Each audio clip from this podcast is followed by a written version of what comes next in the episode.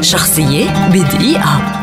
لودفيغ فان بيتهوفن موسيقار وملحن ألماني ولد عام 1770 في بون في كولونيا هو أحد الشخصيات البارزة التي تربط بين العصر الكلاسيكي والعصر الرومانسي للموسيقى الغربية ويعود له الفضل في تطوير الموسيقى الكلاسيكية. تشمل مؤلفاته تسع سيمفونيات أشهرها السيمفونية الخامسة والسيمفونية التاسعة و32 سوناتا على البيانو أشهرها سوناتا رقم 14 والتي تعرف باسم سوناتا ضوء القمر.